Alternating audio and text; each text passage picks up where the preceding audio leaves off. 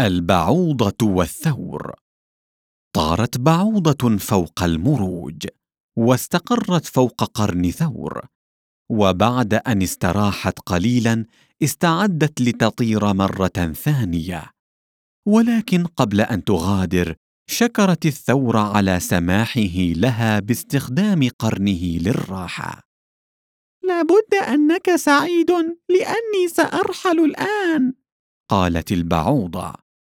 الأمر سيان بالنسبة لي فأنا لم أشعر بأنك موجودة. أجاب الثور. نغالي في قدرنا أكثر مما يقدرنا الآخرون.